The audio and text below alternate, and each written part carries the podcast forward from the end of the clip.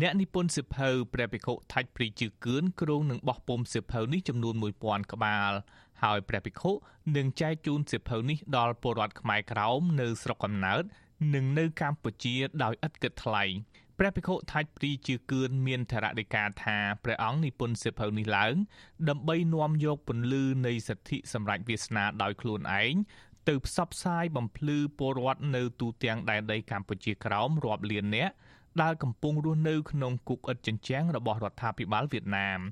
ព្រះភិក្ខុបន្តទៀតថាពលរដ្ឋខ្មែរក្រោមនឹងទទួលបានចំណេះដឹងគ្រប់គ្រាន់ដើម្បីស្វែងរកការសម្រេចវាសនាដោយខ្លួនឯងទៅថ្ងៃអនាគតពេលអានសិភៅនេះចប់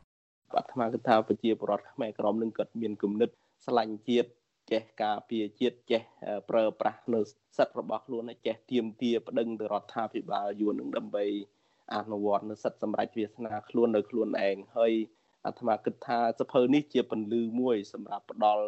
ទៅដល់ប្រជាពលរដ្ឋខ្មែរក្រមដែលកំពុងតែរស់នៅក្នុងទីងងឹតដែលគ្រប់គ្រងដោយរបបអាណានិគមយួននឹងហើយក៏ជាផ្លូវមួយ ជាផ្លូវឬក៏ជាគម្ពីរមួយសម្រាប់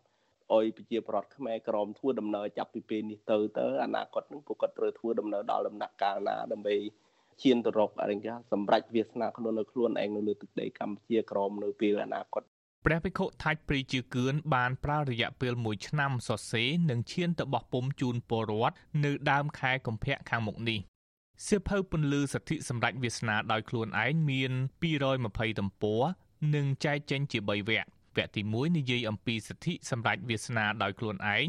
ទី2និយាយអំពីប្រវត្តិនៃដែនដីកម្ពុជាក្រោម តាំងពីដើមរហូតដល់សម័យបច្ចុប្បន្ននិងវគ្គចុងក្រោយ ជាការប្រមូលផ្ដុំឯកសារដែលបានចុះផ្សាយនៅលើទំព័រកាសែត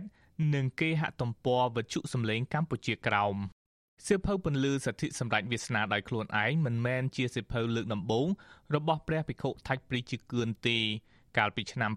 2020ព្រះអង្គក៏បាននិពន្ធសៀវភៅកំណាព្យដែលមានចំណងជើងថាខ្លួនទីពឹងខ្លួន ព្រះអង្គបានបោះពុម្ពសៀវភៅកំណាព្យចំនួន1000ក្បាល ដើម្បីចែកជូនពលរដ្ឋខ្មែរក្រោមនិងទុកនៅតាមបណ្ណាល័យនិងស្ថាប័នរដ្ឋមួយចំនួននៅកម្ពុជា ដើម្បីទុកជាឯកសារប្រវត្តិសាស្ត្ររំលឹកឡើងវិញពីការធ្វើទុកបុកម្នេញរបស់វៀតណាមមកលើពលរដ្ឋខ្មែរក្រោមព្រះភិក្ខុថាច់ព្រីជាគឿនសពថ្ងៃគង់នៅវត្តខេមរៈរាំងសីនៅទីក្រុងសានហូសេរដ្ឋកាលីហ្វ័រញ៉ាព្រះអង្គជានិពន្ធនាយកសារព័ត៌មានព្រៃនគរ និងជាអនុប្រធាននាយកដ្ឋានព័ត៌មានរបស់សហព័ន្ធខ្មែរកម្ពុជាក្រោមព្រះអង្គជាកូនកសិករខ្មែរក្រោមប្រសូតកាលពីឆ្នាំ1981នៅខេត្តព្រះត្រពាំងព្រះអង្គចាប់ផ្ដើមបួសជាសង្ឃកាលពីឆ្នាំ1997រហូតក្លាយជាគ្រូបង្រៀនភាសាបាលី នៅវត្តចម្ប៉ាបុរីព្រះអង្គបានភៀសព្រះកាយពីស្រុកកំណើតមកកម្ពុជាដោយសារតែអាញាធិបតេយ្យវៀតណាម តាមចាប់ព្រះកាយដោយចោទប្រកាន់ពីបទឃោសនាប្រឆាំងរដ្ឋកុម្មុយនីសវៀតណាមពេលមកដល់កម្ពុជាព្រះភិក្ខុថាច់ព្រីជាគឿនបានបង្កើតសារព័ត៌មានព្រៃនគរ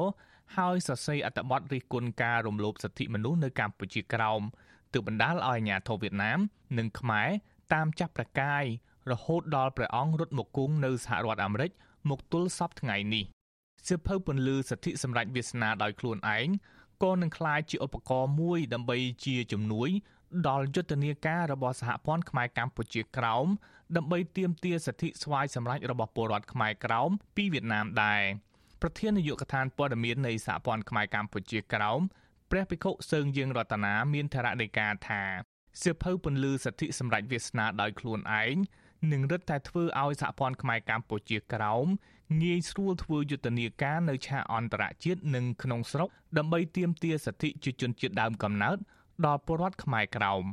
សិភៅនេះគឺបានពន្យល់យ៉ាងលម្អិតអំពីសិទ្ធិសម្រេចវាសនាខ្លួនដោយខ្លួនឯងតាក់ទងនឹងច្បាប់អន្តរជាតិហើយនឹងការលប្រវត្តិនៃប្រវត្តិសាស្ត្រនៃទឹកដីកម្ពុជាក្រមដូច្នេះហើយបានបោះពុំផ្សព្វផ្សាយនេះគឺ បានផ្ដល់ពន្លឺសេរីភាពទៅដល់ប្រជាពលរដ្ឋខ្មែរក្រមដែលកំពុងតែរស់នៅក្រមនៅមណានិគមយួននឹងគឺបានសិក្សាស្រាវជ្រាវបន្ថែមទៀតដើម្បីនឹងឲ្យយល់ច្បាស់អំពីសិទ្ធិសម្រេចវាសនាខ្លួនដោយខ្លួនឯងជាពិសេសគឺស្របទៅនឹងយុទ្ធសាស្ត្ររបស់សហព័ន្ធខ្មែរកម្ពុជាក្រមក្នុងការតស៊ូលើឆាកអន្តរជាតិដើម្បីទាមទារសិទ្ធិសម្រេចវាសនាខ្លួនដោយខ្លួនឯងនេះផង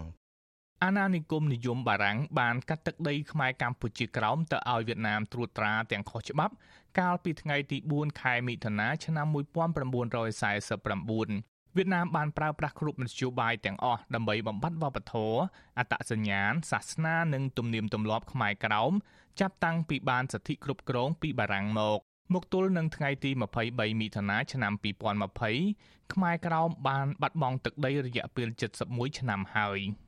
ព្រះភិក្ខុថាច់ព្រីជាគឿនមានតារណិកាថាទោះបីពលរដ្ឋខ្មែរក្រោមត្រូវការប្រើប្រាស់រយៈពេលវែងក្នុងការតស៊ូទាមទារសិទ្ធិសម្រេចទៅថ្ងៃអនាគតប៉ុន្តែប្រសិនបើខ្មែរក្រោមភាកច្រើនយល់ដឹងពីវិធីនៃការតស៊ូទាមទារសិទ្ធិស្វ័យសម្រេចដោយខ្លួនឯងនោះខ្មែរក្រោមនឹងទទួលបានជ័យជំនះជាមិនខានខ្ញុំយុនសាមៀនវិទ្យុអាស៊ីសេរីប្រធានាធិបតី Washington